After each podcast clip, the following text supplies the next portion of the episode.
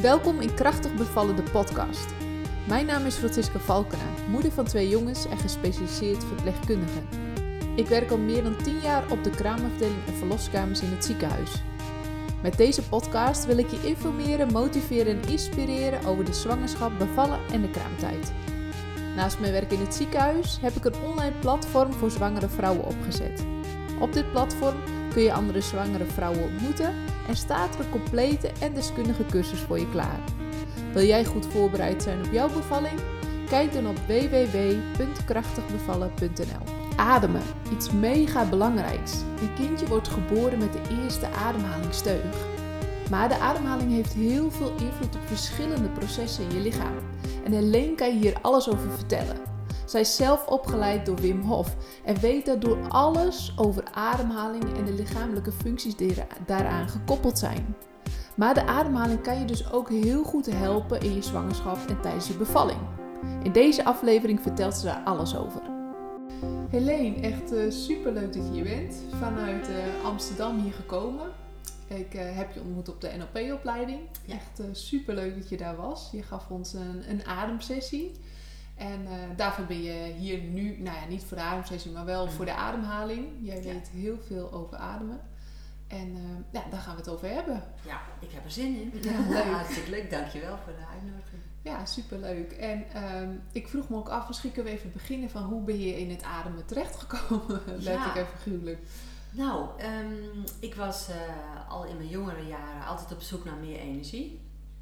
Ik had in puberteit ziekte van vijver gehad. En zo ja, kwam ik in allerlei uh, ontwikkelingsdingen en ik vond het spirituele ook wel leuk.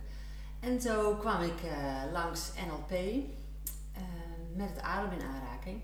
En ik was op een NLP en coaching seminar en daar ging ik een ademoefening doen. En ik had er helemaal geen zin in. Want ik dacht, ja hallo, ik ben hier voor NLP. En daar heb ik voor betaald, weet je wel zo. Ja. Maar goed, dus ik heb gewoon braaf dat gedaan. En dat was in 2002. Dus dat is nu al 20 jaar geleden. Ja. En in mijn, in mijn 30 jaar was dat ja. En ik was gewoon ongelooflijk geraakt. En de eerste ademsessie was nog niet zo fijn. Dat was eigenlijk wel heel erg naar. En, en had ik allerlei uh, symptomen die je kan krijgen als je actief ademt. Tintelingen en krampig en uh, emoties. En toen dacht ik echt, wauw, hoe komt dit? En de tweede ademsessie die ik deed, dat was echt gewoon, toen zag ik het licht. De bliss, de natural high. Oh, ja. Alles tezamen. het engelenkoor. dat zong mij toe als het ware.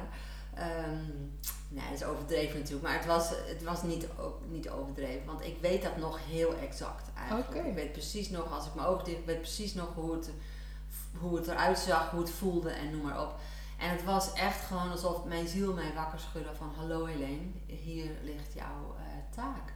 Dit is gewoon iets waar je iets in te doen hebt. En ik was met coaching op zoek ook naar ja, mezelf te verbeteren, mezelf uh, meer te helen. En toen kwam dus die adem die mij zo uh, diep, diep raakte. Dus toen ben ik gewoon op zoek gegaan.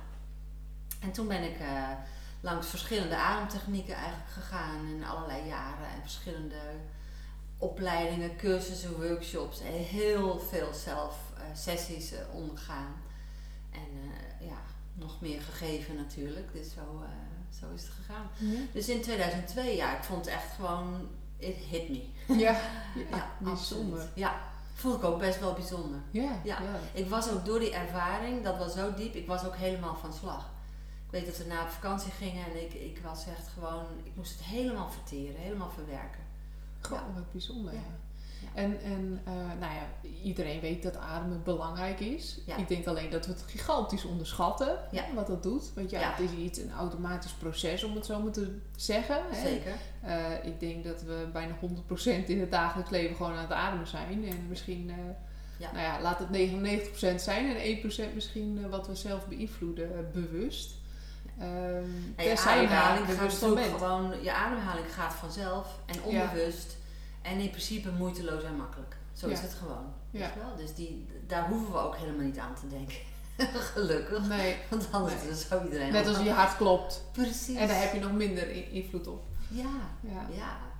En het bijzondere met de adem is, het gaat dus onbewust en het kan bewust. Ja. En dat is zo magisch. Dat vind ik echt gewoon geweldig. Want door je ademhaling heb je ook bijvoorbeeld invloed op je hartslag. Ja. Weet je? Ja. Als je sneller gaat ademen, gaat je hartslag omhoog. Breng je ademhaling tot rust. Eh, dus je ademt minder diep. En je gaat de frequentie naar beneden brengen.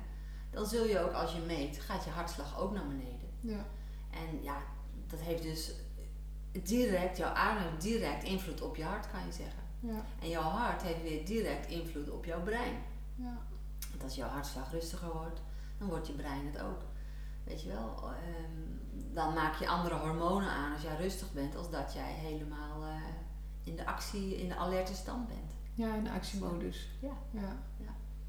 Dus die adem, die raakt ons helemaal. Ja. En die raakt ons dus niet alleen maar lichamelijk, want dat denken mensen dan van, oh ja. Maar het raakt je ook helemaal eh, ja, geestelijk, dus ik noem het altijd eh, mentaal emotioneel. Als je ademhaling rustig en kalm is, dan is jouw brein, is je denken, is het ook meer. Weet je wel, een, een rustige adem heeft ook een rustigere geest, Ja. zeg maar, ja. Ja. En ook als er emoties hoog zitten, ja, dan ehm, zit die adem het ook. Ja. ja, dat heeft iedereen denk ik wel eens ervaren. Als je, eh, nou, ja, toevallig was ik op een crematie gisteren, maar dat is nooit iets leuks. Het schiet me nu even te binnen, maar dan eh, merk je ook aan jezelf. Hè? Als je zodra je een beetje hoog begint te ademen en iets raakt je, dan, dan, ja, dan ben je ook snel emotioneel. Of hè, dan heb je dat ook minder goed onder controle, omdat die ademhaling op een gegeven moment niet meer onder controle is. Hè? Ja. Dus dat is. eh, Ja. Ja. ja, dat is ook alweer eh, ja, bijzonder. En dat is met de geboorte ook altijd zo grappig genoeg. Hè? Mensen zijn dan ook vaak emotioneel en zie je ook helemaal ja, een beetje hyperventileren bijna. eh, omdat ze ook aan de ene kant zo blij en opgelucht en op, opgewonden zeg maar, zijn dat een kind geboren is. Ja. Maar je ziet dan inderdaad dat dat ook veel met de, met de ademhaling doet. Ja. Ja, Ja. eh, bijzonder. En ja, het is gewoon super interessant als je meer zeg maar connect met je ademhaling. Want voor mij om hier zo te zitten, ik vind het helemaal spannend en leuk. Dus is mijn ademhaling hoger. Ja, En, en sneller vooral. Eh, Sneller en dan gaat hij ook eh, hoger zitten. ja, Want als je zeg maar eh, sneller ademt, gaat hij automatisch hoger. En dan ontspan je weer dieper, dan gaat je middenrif meer naar beneden zakken. En dan gaat hij dus ook lager zitten, zeg maar. En dat is helemaal prima dat ik nu eh, meer gespannen ben. Want stel je voor dat ik eh, ehm, ja, heel soort eh, zo relaxed was, dat ik, dat ik, dan ben, ben ik er ook amper bij. Ja. Weet je wel? Ja. Dus een bepaalde mate van gespannen alertheid is prima en gezond. Weet je wel zo? ja. Ja. En wat voor, wa- wanneer is het zeg maar niet meer gezond? Hè? Wat doet dat eigenlijk met je lijf, zo'n ademhaling? Ja, nou wanneer het niet meer gezond is, is eigenlijk als jouw ademhaling langer eh, niet goed afgestemd is op de arbeid die je levert. Dus op de activiteiten van jouw lichaam. Dus dat betekent dat je bijvoorbeeld een drukke dag hebt gehad, misschien eh, mentaal eh, allerlei dingen, zaken, maak je druk over, zit je te regelen. Dus je bent druk, druk, druk. Dus je ademhaling is sneller en hoger. S'avonds plof je op de bank en dan is je ademhaling het nog steeds. Oh ja. Maar je beweegt niks meer. Want stel je voor overdag, je loopt heen en weer, je bent druk. En eh, nou, zoals jij ook met de kinderen. En dan ga- moet je weer halen, brengen, weet ik veel. Hè? Ja, Zo. ja. En dan, ah, als je dus dan zit, jouw ademhaling, die is nog steeds alsof je heen en weer loopt. Dan is die niet afgestemd op jouw lichaam. Nee. En dat geeft dus stress, zeg maar, en spanning. En ons lichaam kan het best even hebben, ook niks mis mee. Maar als dat langer is en veel te vaak, dan krijg je gewoon klachten. Ja. En ehm, bijvoorbeeld klachten als chronische hyperventilatie. En dat is zo'n klacht wat heel veel mensen hebben. Ehm, dat betekent dat je vaak dan een beetje tintelingen in je handen voelt of in je lichaam.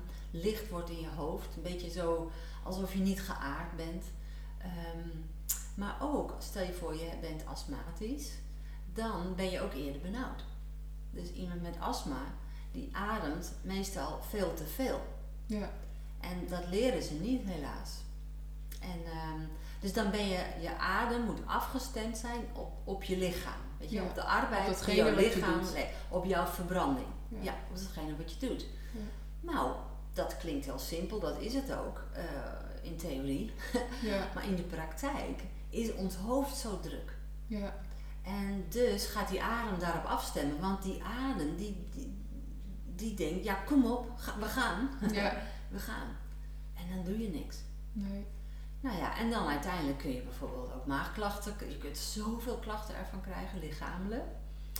En ook bijvoorbeeld meer angst of paniekaanvallen. En vooral dat je hoofd maar piekert en piekert.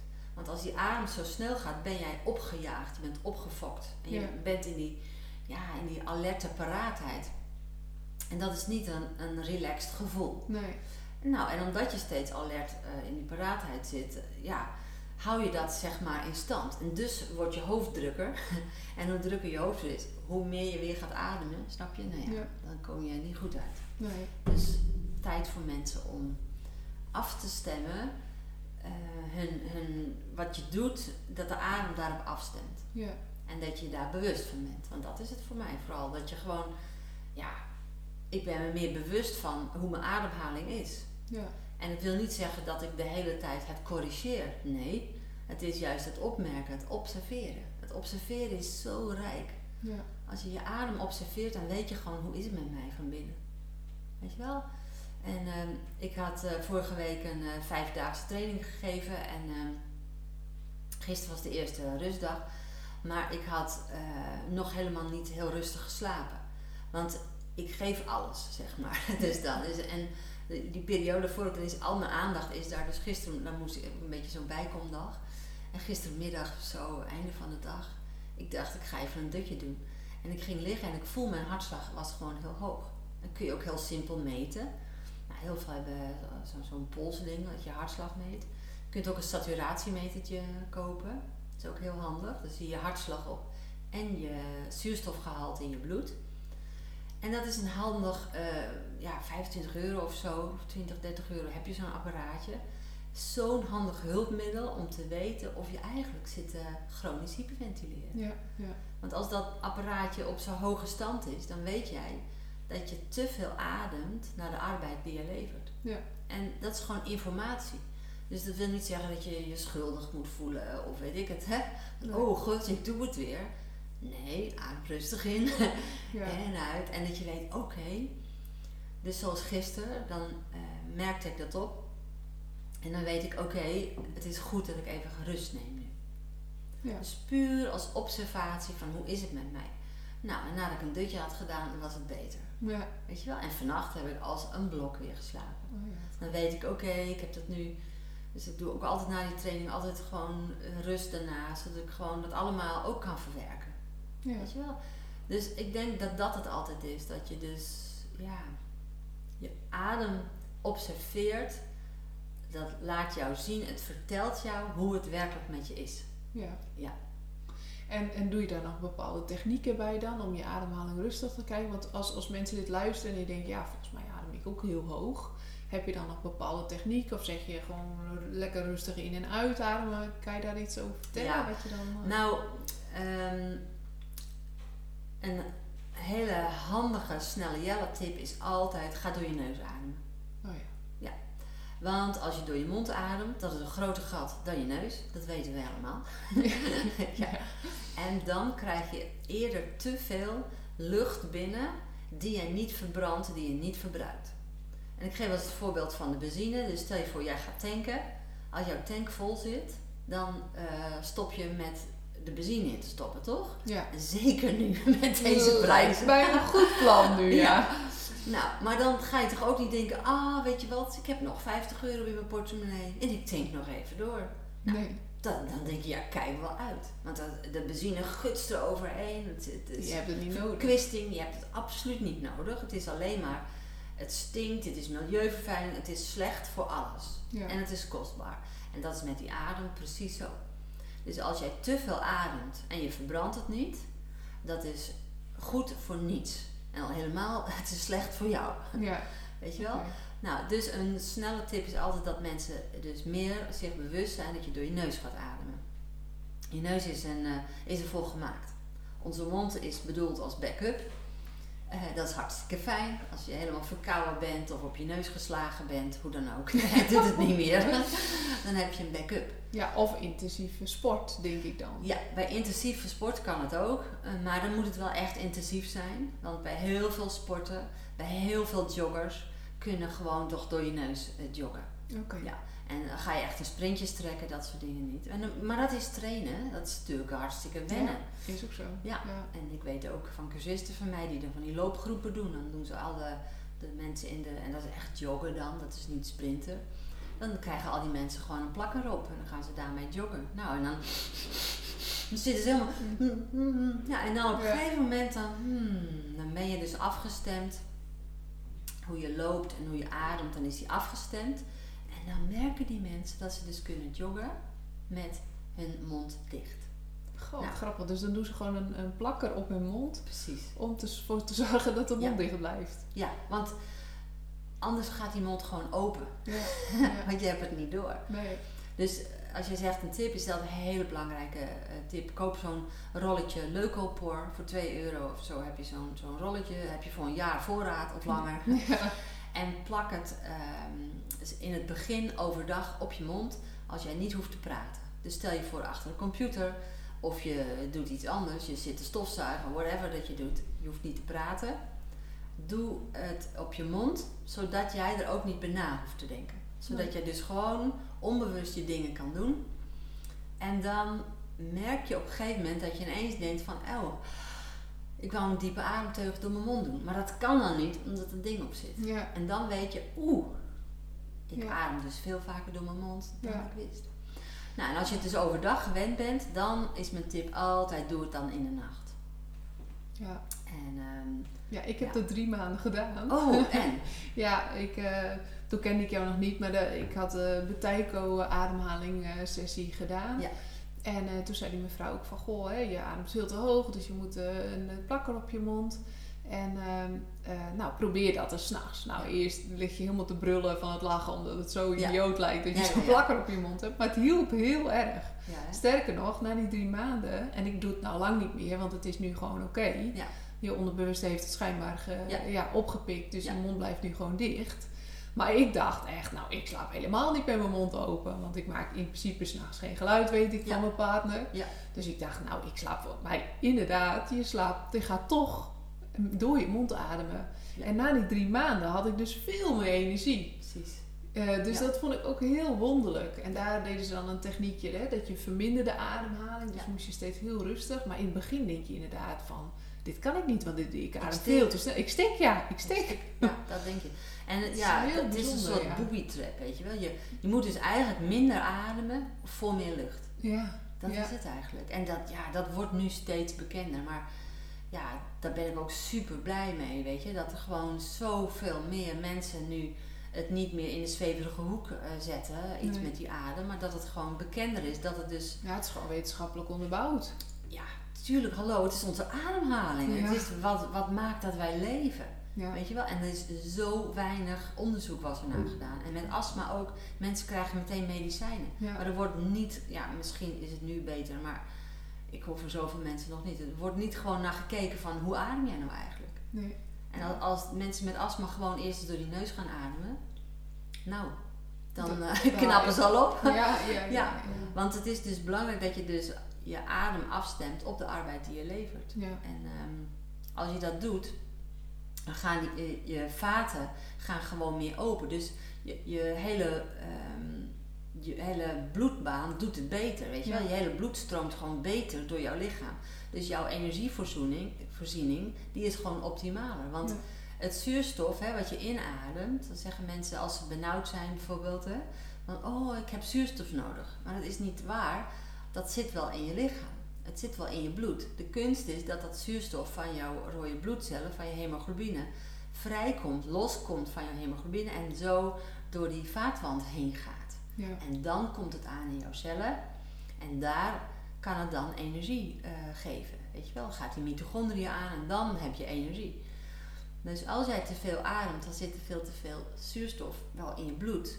Maar je CO2-gehalte is veel te laag. En je hebt CO2 nodig, voldoende, Ja. om dus die zuurstof los te maken van die eh, hemoglobine, zodat het vrijkomt en daardoor naar die cel kan. ja, en daardoor arbeid kan leveren in feite. Precies. Ja. Want die zuurstof geeft ons inderdaad de energie, dat klopt. Ja. Maar als je dus benauwd bent door paniek of door, door met, met astma ook veel, eh, veel mensen, ik durf echt te beweren dat je, als je astma hebt, dat je in ieder geval eh, de helft van je medicijnen kan verminderen. Ja. Ja, weet je, ik ga nooit zeggen, oh dat kan altijd bij iedereen overal. Nee, maar wel de helft minder kan echt bij heel veel mensen. Ja. Ja. Ja, bijzonder. Ja, toch? Ja, heel bijzonder. Ja. Eh, ik weet ook dat jij eh, cursussen hebt gedaan bij. ehm, nu kom ik even niet op zijn naam. Wim Hof? Wim Hof. Ja. Jeetje. Zeker, ja. Ja, Ja. dus eh, die, die is natuurlijk ook heel erg van de gezondheid en ademhaling door, ja, doordat je je immuunsysteem eh, versterkt. Ja. Kun je daar wat over vertellen? Ja. Hoe dat, eh, hoe dat Nou, ik ben nu, wanneer was het? In 2011 ontdekte ik dat hij workshops gaf. En ik vo- volgde hem al langer en ik vond hem interessant. En toen ging ik zo'n workshop doen en toen zag ik dat hij een week naar Zweden ging met mensen. En hij was nog helemaal niet populair. Dus we zijn met zes mensen een week naar eh, Zweden gegaan in december, in de winter. Nou, dus ik dacht, fantastisch. Dan kan Ja, ik de hele week die man van alles vragen wat ik wil. Ik heb altijd heel veel vragen, ik ben heel nieuwsgierig. Dus eh, nou, dat was ook allemaal zo. En we gingen daar natuurlijk ademtechnieken doen, maar ook absoluut yoga. Ehm, door Wim Hof ben ik ook de kopstand gaan leren, bijvoorbeeld. Oh ja, dus ja. Dat, al die yoga-houdingen deden we ook. En natuurlijk de kou. Maar voor mij was de adem interessant, want ik was toen al tien jaar bezig met de adem. En ik dacht eigenlijk gewoon, nou, ik heb nu zo'n beetje alles wel eh, gezien. En, en zo wat er een beetje op ademgebied eh, is, heb ik wel gevolgd. Dus toen deed ik die Wim Hof ding. En Wim, die voegde daar iets heel interessants aan toe. Dus ik was meteen een fan, daarom wilde ik ook die week doen. Want wat Wim eigenlijk eh, doet, is het heel praktisch en concreet maken, zodat je thuis ook een effectieve ademhalingsoefening kan doen. En het mooie was van eh, Wim dat hij er ook echt voor ging, eh, zodat het wetenschappelijk bewezen werd. Ja, klopt. Ja. En twee jaar eh, nadat ik, ik zat in de eerste lichting van de instructeurs in 2012 was dat. En ehm, twee jaar later, zeg maar, hebben ze die onderzoeken gedaan en toen kwam dat vrij dat het inderdaad bewezen is dat je dus gewoon echt sneller meer die energie aanmaakt. En je speelt dus eigenlijk met het zuurstof en met het koolzuurgehalte in jouw bloed. Dat is eigenlijk wat je doet door zijn eh, techniek. Ja. Doordat je even heel actief ademt, dan krijg je dat, die tintelingen en dan. Dus je zit vol met zuurstof. Je Mhm. ademt even kort te veel wa- naar wat je verbruikt. En dan stop je gewoon een tijd met ademen. En dan speel je dus daar helemaal mee. En het is dus echt bewezen dat ehm, je daarmee laaggradige ontstekingen bijvoorbeeld heel veel sneller opruimt. Want je krijgt gewoon een versnelde, eh, een hele stoot meer energie. Want omdat je dus door die ademtechniek ineens eh, meer ehm, mitochondriale werking krijgt. Want die mitochondriën die hebben zuurstof nodig, dus energiecentrales in onze cel, om dus die energie te maken. Ja. En door die ademtechniek heb je dus ineens eh, tot 19% meer mitochondriale werking. Nou, dat is een hoop. Ja. ja. Ja, en als je dus wil detoxen, dus je zit bijvoorbeeld veel, eh, ik ook met mijn eh, ziekte van vijveren, ben je eerder gevoelig voor schimmel, voor laaggradige ontstekingen. Dus als je dan die techniek doet, je schoont je lichaam gewoon op. ja. Mensen met reuma, met jicht, met fibromyalgie, al die klachten, zoveel van, de- ik ken echt zoveel mensen die dus eh, met reuma gewoon eh, nu weer hun leven terug hebben. Ja, Door die ademtechniek. En de kou is er dan bij. Maar ik ken ook mensen die hebben de kou, doen ze niet. Alleen de adem. En het werkt fantastisch. Want Ja. je schoont je lichaam op van binnenuit. En door de kou, en wat is de element van de kou? eh, daar, ik weet het, maar eh, de Ja. luisteraars misschien niet. Ja, nou ja, door eh, Wim Hof natuurlijk, die was altijd van de adem en de kou. Ja, De, de kou die stimuleert eigenlijk je hele cardiovasculaire systeem. Dus je hele... ehm, ja, doordat je in die kou gaat, ga je zeg maar een enorme shock effect eigenlijk creëren. ja. Dus je sympathicus, je systeem eh, van fight, flight, die bom, die gaat helemaal aan. En ehm, door die kou ehm, train je dus van buitenaf eigenlijk ook dat hele cardiovasculaire systeem. Dus je haarvaten die gaan natuurlijk Ja, die acuut sluiten, dicht, ja, hè? die ja, sluiten, ja, rom. Die knijpen ook hè? Ja, die knijpen zo gek, dat voel je. Ja. En dan daarna ontspan jij weer. En dan stroomt de boel gewoon eh, weer beter door.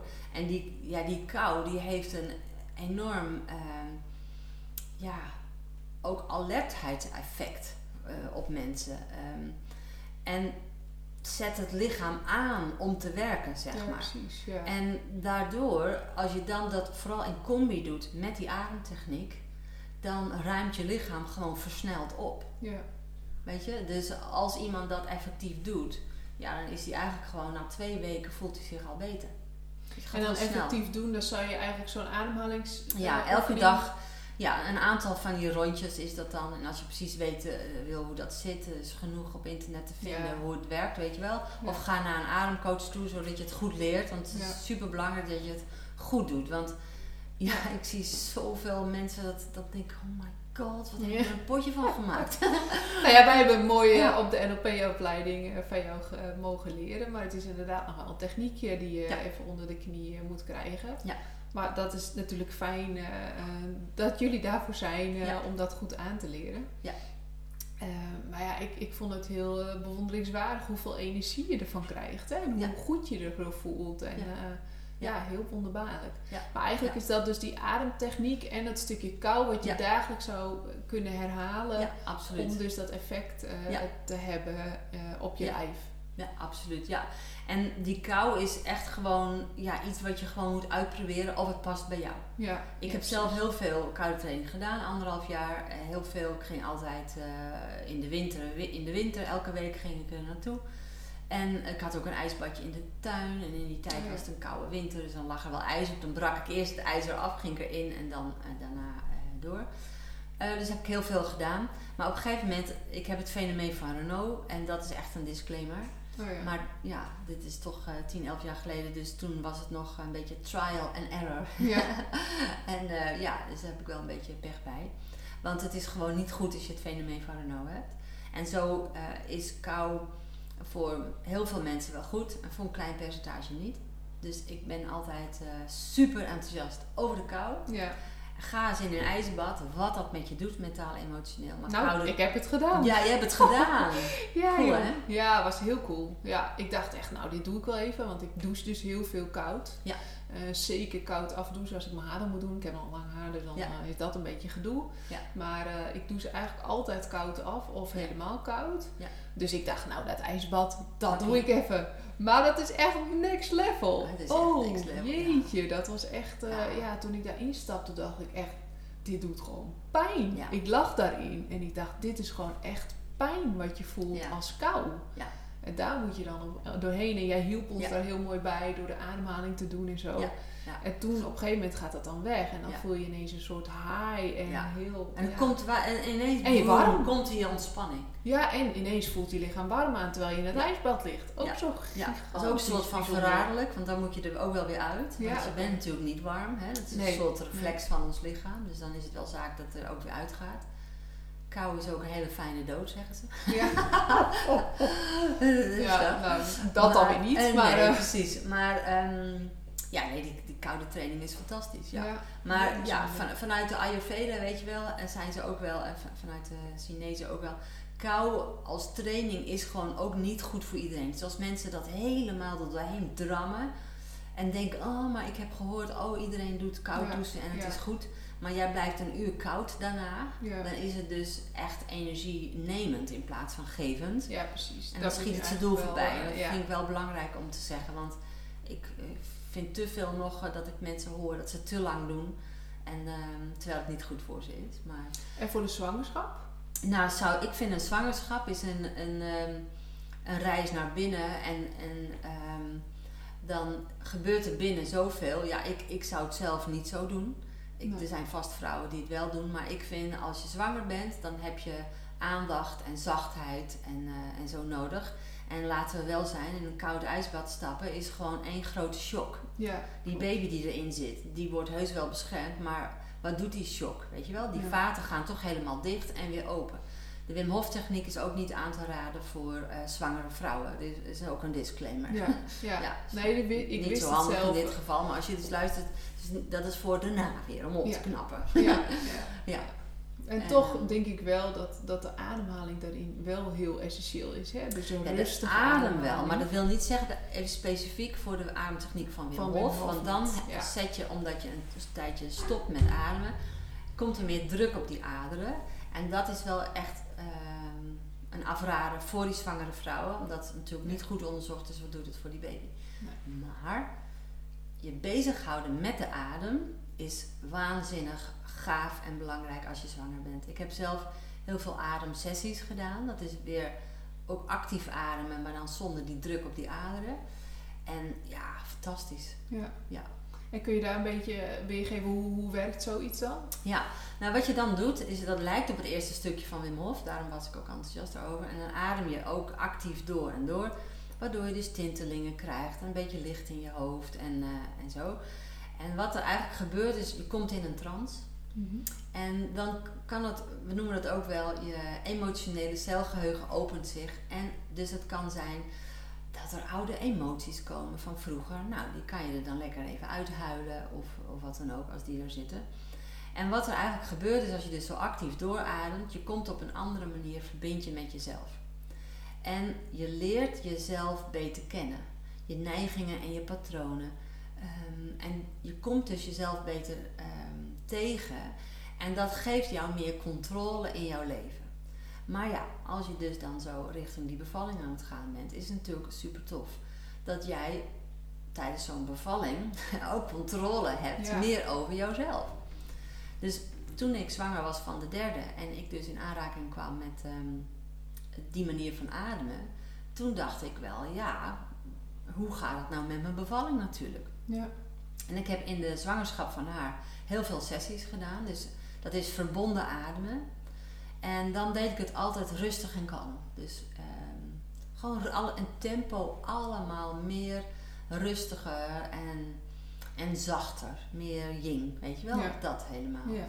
En ehm, Maar dan niet met een rustpauze of wel? Dus dan nee, die rustpauze helemaal niet op die Nee, manier. Ehm, want bij het verbonden ademen ga je bijvoorbeeld 10 of 15 minuten actief doorademen. Gewoon heel rustig tempo. En dan komt de tweede fase. En dan herstelt jouw lichaam die adem en dan kom je helemaal tot rust. Maar dan niet door druk, maar omdat jouw lichaam het zelf doet. Oh. En dan ga je weer door je neus ademen, ga je rustig en kalmer ademen. En dan komt die hele rust die ontstaat helemaal. En daar, daar ga je ook naartoe. Maar dus niet vanuit en ineens stoppen met ademen wat je Nee, doet met nee. Wim Hof. Ja, precies. Ja. Ja. Ik doe deze technieken, wat jij net ook vertelt, hè, met dat rustige ademen, doe ik ook op het platform voor de zwangere om gewoon meer ontspannen te raken. Hè? Niet Ja. zozeer om iets te doen of zo, maar meer om Ja. meer connectie te hebben met je baby, Ja. meer ontspannen te voelen in je lijf. En ook een paar ademhalingstechnieken voor tijdens de bevalling. Want dan heb je natuurlijk een actievere houding en Ja. dan heb je ook wat actieve, actievere ademhaling nodig. Hè? Dat is ook weer wat jij uitlegde. Wat je aan, ja, ehm, wat je verteert of wat je, wat je, wat je nodig hebt aan eh, actie zeg maar, in je lijf, heb je ook nodig aan ademhaling natuurlijk. Ja, kijk, bij de verbonden adem, eh, dat bestaat uit twee fases. Een actief deel, dat is Ja. echt de sympathicus, en een passief deel. Een helemaal diep, diep, diep ontspan deel. En het bijzondere van die ademtechniek vind ik dat je in het actieve deel ook echt jezelf leert kennen. Je, je leert je, je neigingen en je patronen kennen, wat super belangrijk is. Maar je schoont dus die oude emoties op, zeg maar. Die ineens voel je dat weer. En wat je gaat doen, je gaat je ademhaling verbeteren, verdiepen, zodat je goed vanuit je lage buik, middenrif tot in die toppen van die longen kan ademen. Ja. En als het dus vastzit in jouw middenrif, dan voel je dat wel tijdens die actieve fase. En het hele middenrifgebied bijvoorbeeld, dat noem ik in ademcoaching ook wel je angstgordel. Dus als je heel erg een bangig type bent, Ja. dan, oh my goodness, dan zit het hele middenrif zit vast. En dan voel je dat. En. Wim Hof zei altijd, eh, voelen is begrijpen. Oh ja. Weet je, want je kunt wel bedenken, ik ben bang, maar als jij het voelt in jouw lichaam en het verkrampt, Ja. en door, het, door zo'n ademsessie leer jij om het te ontspannen, om ruimer, met gemak ruimer in te ademen. Nou, dan, ah, dan geeft dat gewoon heerlijke ontspanning. En dat is gewoon gaaf. Maar die verbonden adem leert jou dat dus voelen, zeg ja, maar. precies. En dan in de tweede fase van die oefening, dan ga je helemaal diep ontspannen. En dan nou ja, ga je even met je aandacht naar eh la la la land, zeg ik dan, Ja. weet je wel. Meditatie. Ja, maar dus ook als er dus oude emoties, onderdrukte dingen zitten, Mhm. die kun je naar de oppervlakte brengen en die kun je dan letterlijk laten gaan. Oké. En ehm, dan hoef je dus niet in psychotherapie, maar gewoon een ademsessie kan jou releasen. Je helpt je lichaam releasen. Ja. Want ons lichaam die weet het. Dus die zet, ehm, als jij je bijvoorbeeld eh, snel schuldig voelt of onveilig voelt, wat gebeurt er dan? Dan knijp je af. Dan knijp je gewoon in die lage buik, dan eh, ga, ga je al die buik intrekken omdat je op je hoede bent. Ja. Dat voel je door die verbonden adem, Hm. word jij ehm, ja, erop gewezen, als je dat bij een coach doet, om naar je buik toe te ademen. Ja. En dan voel je van, oh, dat, dat doe ik dus niet goed. Ja. Hey, dan kan ik me dus ook nog veiliger voelen. Ja, je hoeft je niet meer schuldig te voelen. Weet je, dat zit zo echt in die buik. Dat Ja. schuld en het onveilige.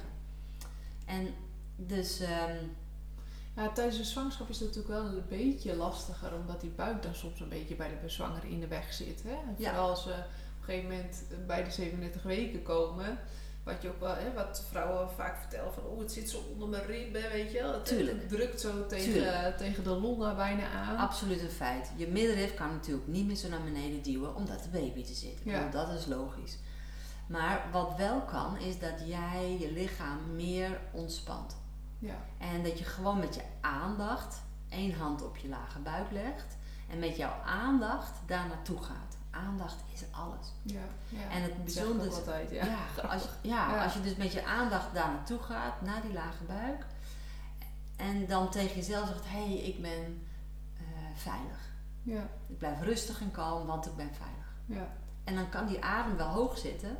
Maar als jij je hartslag dan zou meten en je zou dat even zo twee minuten doen, dan zie je dat die naar beneden gaat. ja. Weet je? Ja. En- Ja, weet je, ademhalingsoefeningen en ontspanningsoefeningen, dat heb ik ook talloze van op, op, op het platform staan. Het hoeft Mooi. helemaal niet super lang te duren. Nee. Het kan niet. al twee minuten bij wijze van spreken, wat sommige mensen zeggen, ja, Ja. moet ik een heel ritueel doen? Nee, Nee, helemaal niet. Ga zitten, twee minuten eh, maar liefst. Hè? En dan kan je al een hele sessie doen bij wijze van spreken. Absoluut. Om gewoon al iets Ja. meer rust en ontspanning in het lijf te krijgen. Ja. En dat hoeft helemaal niet heel ingewikkeld. En Nee. Dat is eigenlijk het mooie, vind ik, aan de... Ik ook. En dat is toch heel onbekend nog eigenlijk. Ja, Dat je, kijk, als je dan die, die dikke buik hebt en die adem zit hoger en hoger. Voordat je het weet, ga je je daar ook druk over maken. Oeh, mijn adem zit zo hoog. En ga je nog meer, ga je Ja. nog hoger. Of ik word benauwd, of ik voel me benauwd. eh, En dan ga je nog sneller ademen. ja, Weet je wel? En dan ja, breng je jezelf meer uit evenwicht. Dus Ja. het begint met die bewustwording van, hé, wat doe ik eigenlijk? ja, ja. Ja. En rustiger uitademen, dat stimuleert je parasympathicus, dus dat zenuwstelsel wat jou ontspant. Ja, dat helpt meteen. Ja. Weet je wel? Ja. Ja, bijzonder. En hoe zie je daar dan tegenover als je aan het bevallen bent?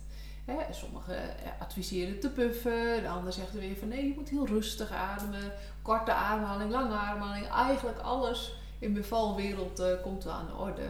Ja. Ik denk dat het, ja, wat ik zelf altijd zeg, het is ook een beetje een kwestie van uitproberen. Al die techniekjes die je zou kunnen doen, heb ik op mijn platform gezegd, nou, probeer het gewoon eerst eens uit zonder dat je weeën hebt. Ehm, maar ja, het is best wel persoonlijk ook. Ja. Maar heb je daar nog iets, een tip voor? Of zeg je van nou, eh, ik heb dit of dit een keer gehoord of geprobeerd? Of eh, ja, ja. heb je daar nog Nou, ik denk dat er ook een groot verschil tussen zit tussen de, de weeën ehm wegademen of je persweeën. Ja, Er zit een eh, verschil in, in Ja. adem ook. Weet je, persweeën zijn In techniek ook. Ja, dus dat is. Met persweeën zou ik ook zeggen, luister goed naar je verloskundige, weet je, zo, dat ook. En tijdens de gewone weeën, zeker als het langer duurt, ja, de grootste tip is, eh, ontspan. Ja, Want het is gewoon de fysiologie, hoe meer, hoe actiever jij gaat ademen, hoe meer jij je druk maakt. Ja, Dus je, je drukt op het gaspedaal. Als, jij, als ik nu dit ga doen, gaat mijn Ja. hartslag omhoog. Mijn hele systeem is aan en is alert. Ga ik dat dus doen met weeën, van oh, zit ik zo te doen, dan ben ik dus nog meer aan. ja, klopt. Ja, Dus zo moet je gewoon kijken. Je moet een soort begrijpen van hoe, wat doet die adem. Ja. Weet je? Zonder dat ik meteen één techniek alleen daarin geloof. nee, klopt. Ik leer mensen graag dat je begrijpt waarom je doet wat je doet. Dus als jij ineens zo, oh, ik heb zo'n pijn, oh, ik heb zo'n pijn. Je zit zo te doen, Ja. je zit jezelf op te fokken en die adem, die is dus dan niet meer goed afgestemd om jou tot rust te brengen. Dus als je al zo wilt doen uit je neiging, doe het dan door je neus. ja. Omdat dat, die neus is weer kleiner dan je mond. Dus je ademt dan al minder zuurstof in hè, dan Ja. je nodig hebt. ja. Dus ik zou altijd zeggen bij eh weeën, vind een weg in de adem die jou tot een diepere ontspanning maakt. Ja. Want als jij jezelf kunt ontspannen, dan kunnen die weeën, die weeën die zijn er alleen maar om die ontsluiting te maken. Jouw lichaam wil openen. Ja. En dat is een, vaak een pijnlijk proces. Dus ga in de overgave. Ga in de volledige overgave en zeg tegen jezelf: Oké, en ik open mij verder. En ik ontspan erin. En ja, lief babytje, kom maar. Jij bent zo welkom. Weet je wel, dat je daarin ook dat, dat jezelf toespreekt, zeg maar. En dat je gewoon je even weer beseft bent uh, wat die wee doet. Dus die scherpe pijn, dat je daar als het ware met je aandacht ingaat en dan heel rustig, zo rustig als je kunt, gaat ademen. Ja. Omdat dat jouw zenuwstelsel tot rust brengt, letterlijk. Ja. Snap je? En hoe meer jij dus ontspannen bent, hoe meer jouw lichaam makkelijker kan openen. Ja. Want dat moet het doen. Het Ja. moet gaan openen. En, Zeker. en in pijn, wat doen wij altijd? Wij, wij Ja, doen we dit. Of we gaan dicht. We gaan dit. Daarom hebben mensen het in het middenrif ook. Dat is een grote, die platte spier, is onze belangrijkste ademhalingsspier. En daar zit het gewoon verkrampt, weet je wel. En als mensen gaan ontspannen, ja, dus dat. Maar ik, ik weet toen ik, ik weet niet of ik dat vertellen mag, van mijn derde. Ja, zeker. Je mag alles Toen ik, vertellen. eh, ik heb drie kinderen en toen ik beviel van de derde, eh, ik had een thuisbevalling. De andere twee waren ook heel goed gegaan. Mijn lijf kon, eh, kon dat goed, kon goed bevallen. Ieder Ja. lijf doet het anders. Dus ik ging weer thuis bevallen en ehm, de verloskundige die kwam en die ging kijken hoeveel ontsluiting al had. En ik had nog veel te weinig, ik geloof drie centimeter of zo. En ik weet nog dat er een, en ik kende dus de kracht van de adem. Ja. En ik weet nog dat eh, ik een week kreeg en eh, ik was in gesprek met haar en ik sloot rustig mijn ogen en ik ging helemaal met mijn aandacht naar binnen. En ik deed die wee, op een ontspannen manier. En toen was dat klaar en toen keek ik haar weer aan en toen zei zij van, eh, nou het is nog maar drie centimeter dus ik ga weer. Ik zeg ja dat, dat snap ik, ik weet ook niet hoe lang dit nog gaat duren. Nee, nee. En achteraf gezien denk ik dat ik er veel te relaxed uitgezien heb voor haar. Maar dat wil niet zeggen dat het mij geen moeite kostte. Nee. En dat onderschatten mensen dan. Maar als je dus leert in de zwangerschap met je aandacht naar binnen te gaan en rustig en kalm zo uit te ademen, gewoon rustig en kalm je lichaam te ontspannen, Ja. man, dan heb je daar zo baat bij Ja, tijdens die bevalling. Ja, 100%. Dus- Ja, en dus een goede bevalling, ja, begint bij goede voorbereiding. Absoluut. Weet je wel, dat is het gewoon. En ja. ja, dus zo. Ja, en het grappige, wat het verhaal, hè, wat, je, wat je net ook allemaal deelde, dat is, dat, daar sta ik, sta ik ook zo achter. Want ik zeg ook altijd, ontsluiting eh, of ontspanning is ontsluiting. Hè, niks meer, niks minder. Hè. Het gaat het. juist om, eh, want heel veel mensen zeggen gefocust, ja maar die pijn dan, die pijn dan. Ja, maar dat is het niet. Hè. Het is, als jij je ontspant, wordt automatisch en de pijn minder en ontsluiting meer. Hè. Dat is in feite de, Ja. de, de En het is soort je logisch, want omdat jij ontspant, kunnen die aderen gewoon, eh, want als je dus gespannen bent en al die spieren, de- oh, heen, die gaan ja, die dus vast. knijpen. Dus ja. die knijpen. Dus op het moment dat jij je lichaam ontspant, dan kan het openen. Absoluut. Weet je? Weet je, je baarmoeder en baarmoedermond is één grote spier.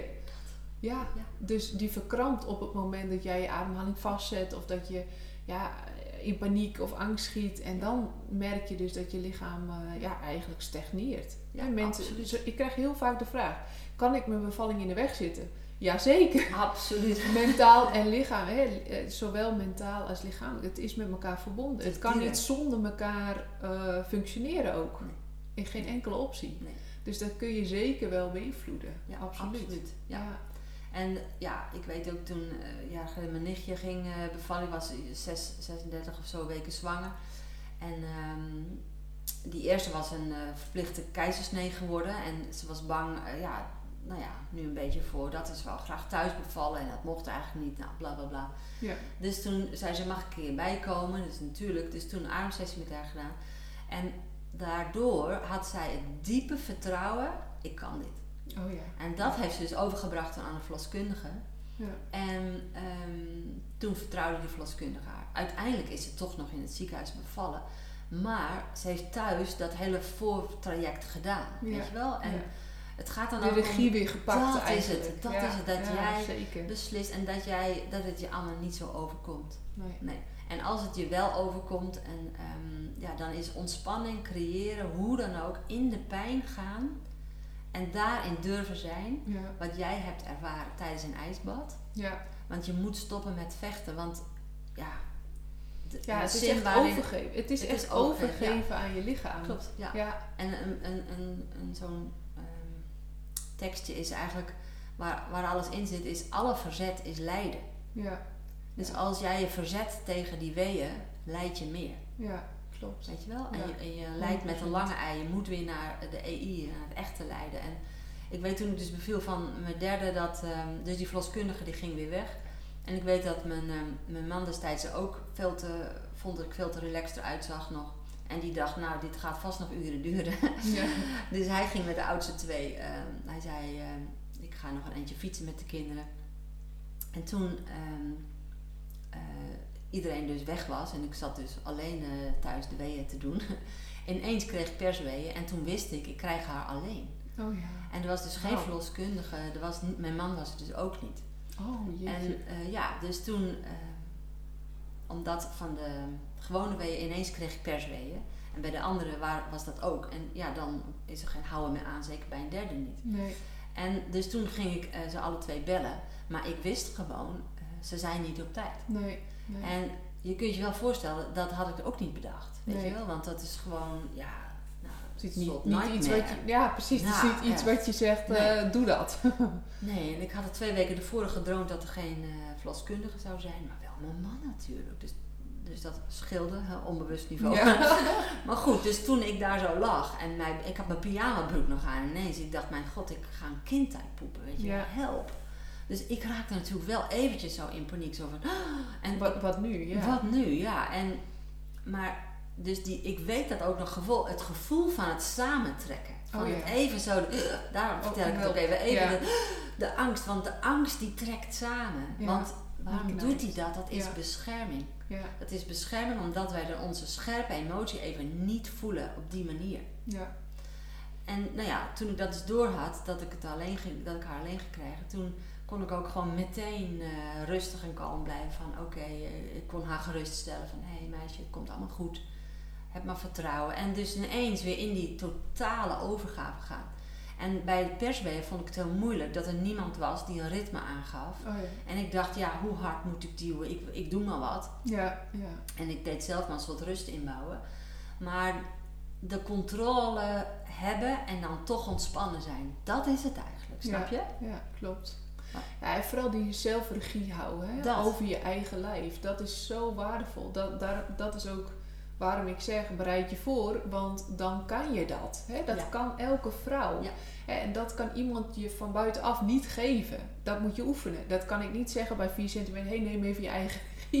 Want dan heb je geen idee waar ik het over heb. Nee. Maar op het moment dat je dat geoefend hebt en inzicht hebt gekregen van hoe je dat moet doen, Ja. ja, dat is natuurlijk super waardevol Ja, eh. Ja. om mee aan de slag te En het mooie is, is ook dat je dus tijdens de zwangerschap heb je misschien ook al klachten. Of ditjes en datjes noem ik dat, weet je wel.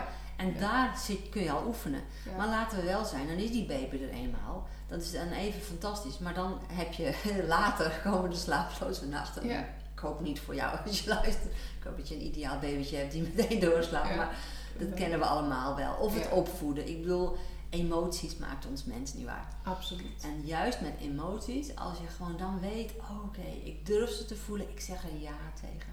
Ja is één woordje, het zijn twee letters en het is zo gaaf als je daar, ja, als je dat begrijpt, weet je, dat je Ja. gewoon ja zegt tegen wat er is en dan weer uitademen, weer laat gaan, want dan ontspan je. Want Ja. het is er toch. Ja. Ja. Ja. Want alle verzetten Ja, en het-. En het komt toch wel weer op je bordje terecht. Alleen dan vaak op een minder gunstige manier, om het zo maar te zeggen. Ja. wat je net ook schetst. eh, ja, dat sommige mensen echt klachten, langdurige klachten, chronische klachten krijgen van iets. En ja, dat, dat kan je eigenlijk... Ik wil niet zeggen dat alles eh, weg te poetsen is met een ademhaling hoor, zeker niet. Maar je kunt er allicht veel meer aan hebben door alleen al meer ontspannen te zijn, Ja. meer energie te hebben. Ja, en dat is toch wel iets wat, wat Ja. alleen al super fijn is. Ja. Ja, ik ga ook niet zeggen van, oh, het, het eh, haalt dit weg of, of oh, je hebt nooit meer, wha- whatever. Wat het is, als je meer weet van de ademhaling, van jouw eigen ademhaling, Ja. jij hebt meer regie over je eigen leven. En dus als het leven eens even niet mee zit, Ja. dan is het minder eh, erg. Ja. Om, en niet omdat de omstandigheid minder erg is, maar gewoon hoe jij ermee omgaat. Ja. En, en dat, dat, dat is wat mij dat gegeven heeft. Ja, dat, heeft mijn dat maakt mijn leven fantastisch. Ja. Want natuurlijk maak ik ook eh, dingen mee die ik niet zo leuk vind. Maar Absoluut. door die kracht van die adem kan ik altijd gewoon veel makkelijker bij mezelf blijven. Weet je Ja. wel? En dat is in, in wat er ook gebeurt in je leven Ja. fijn. Ja, bijzonder. Bijzonder ook hoe je dat, eh, ja, dat eigenlijk zo samenvat. Hoe het jou in je leven heeft veranderd in Ja. feite. Ja. En eh, ja, ik zie dat gewoon gebeuren bij zwangeren op het platform, weet je wel. Die Ja. zich dan echt voorbereiden. En die dan, nou ja, zowel de ademhaling als een stuk mindset zit erin. En dat je ze ineens heel anders die bevalling ziet ingaan. En dan maakt het, ja, dat klinkt heel gek voor mensen die het nog nooit hebben meegemaakt. Maar eigenlijk maken de omstandigheden dan niet eens meer uit. Nee. Omdat ze dat stukje zelfregie ervaren en denken, ja, ik weet nu hoe dit gaat. Ja. Ik weet hoe het gaat lopen. Ik ga dit en dit doen. En dat geeft een stukje eigenwaarde, reflectie. Ja. En gewoon heel veel regie. En dan kijken mensen veel fijner en positiever terug op zo'n bevalling. Ja, Ja. dat is het is zo toch waardevol. wonder. Het is toch een wonder of je nou thuis in het ziekenhuis bevalt. Het maakt niet uit. Dat, dat je gewoon een kindje kan krijgen. Dat is gewoon, ja, dat is gewoon. En dat is ook echt de totale overgave. Want dan is dat kindje daar eenmaal. En dan moet je daarvoor zorgen.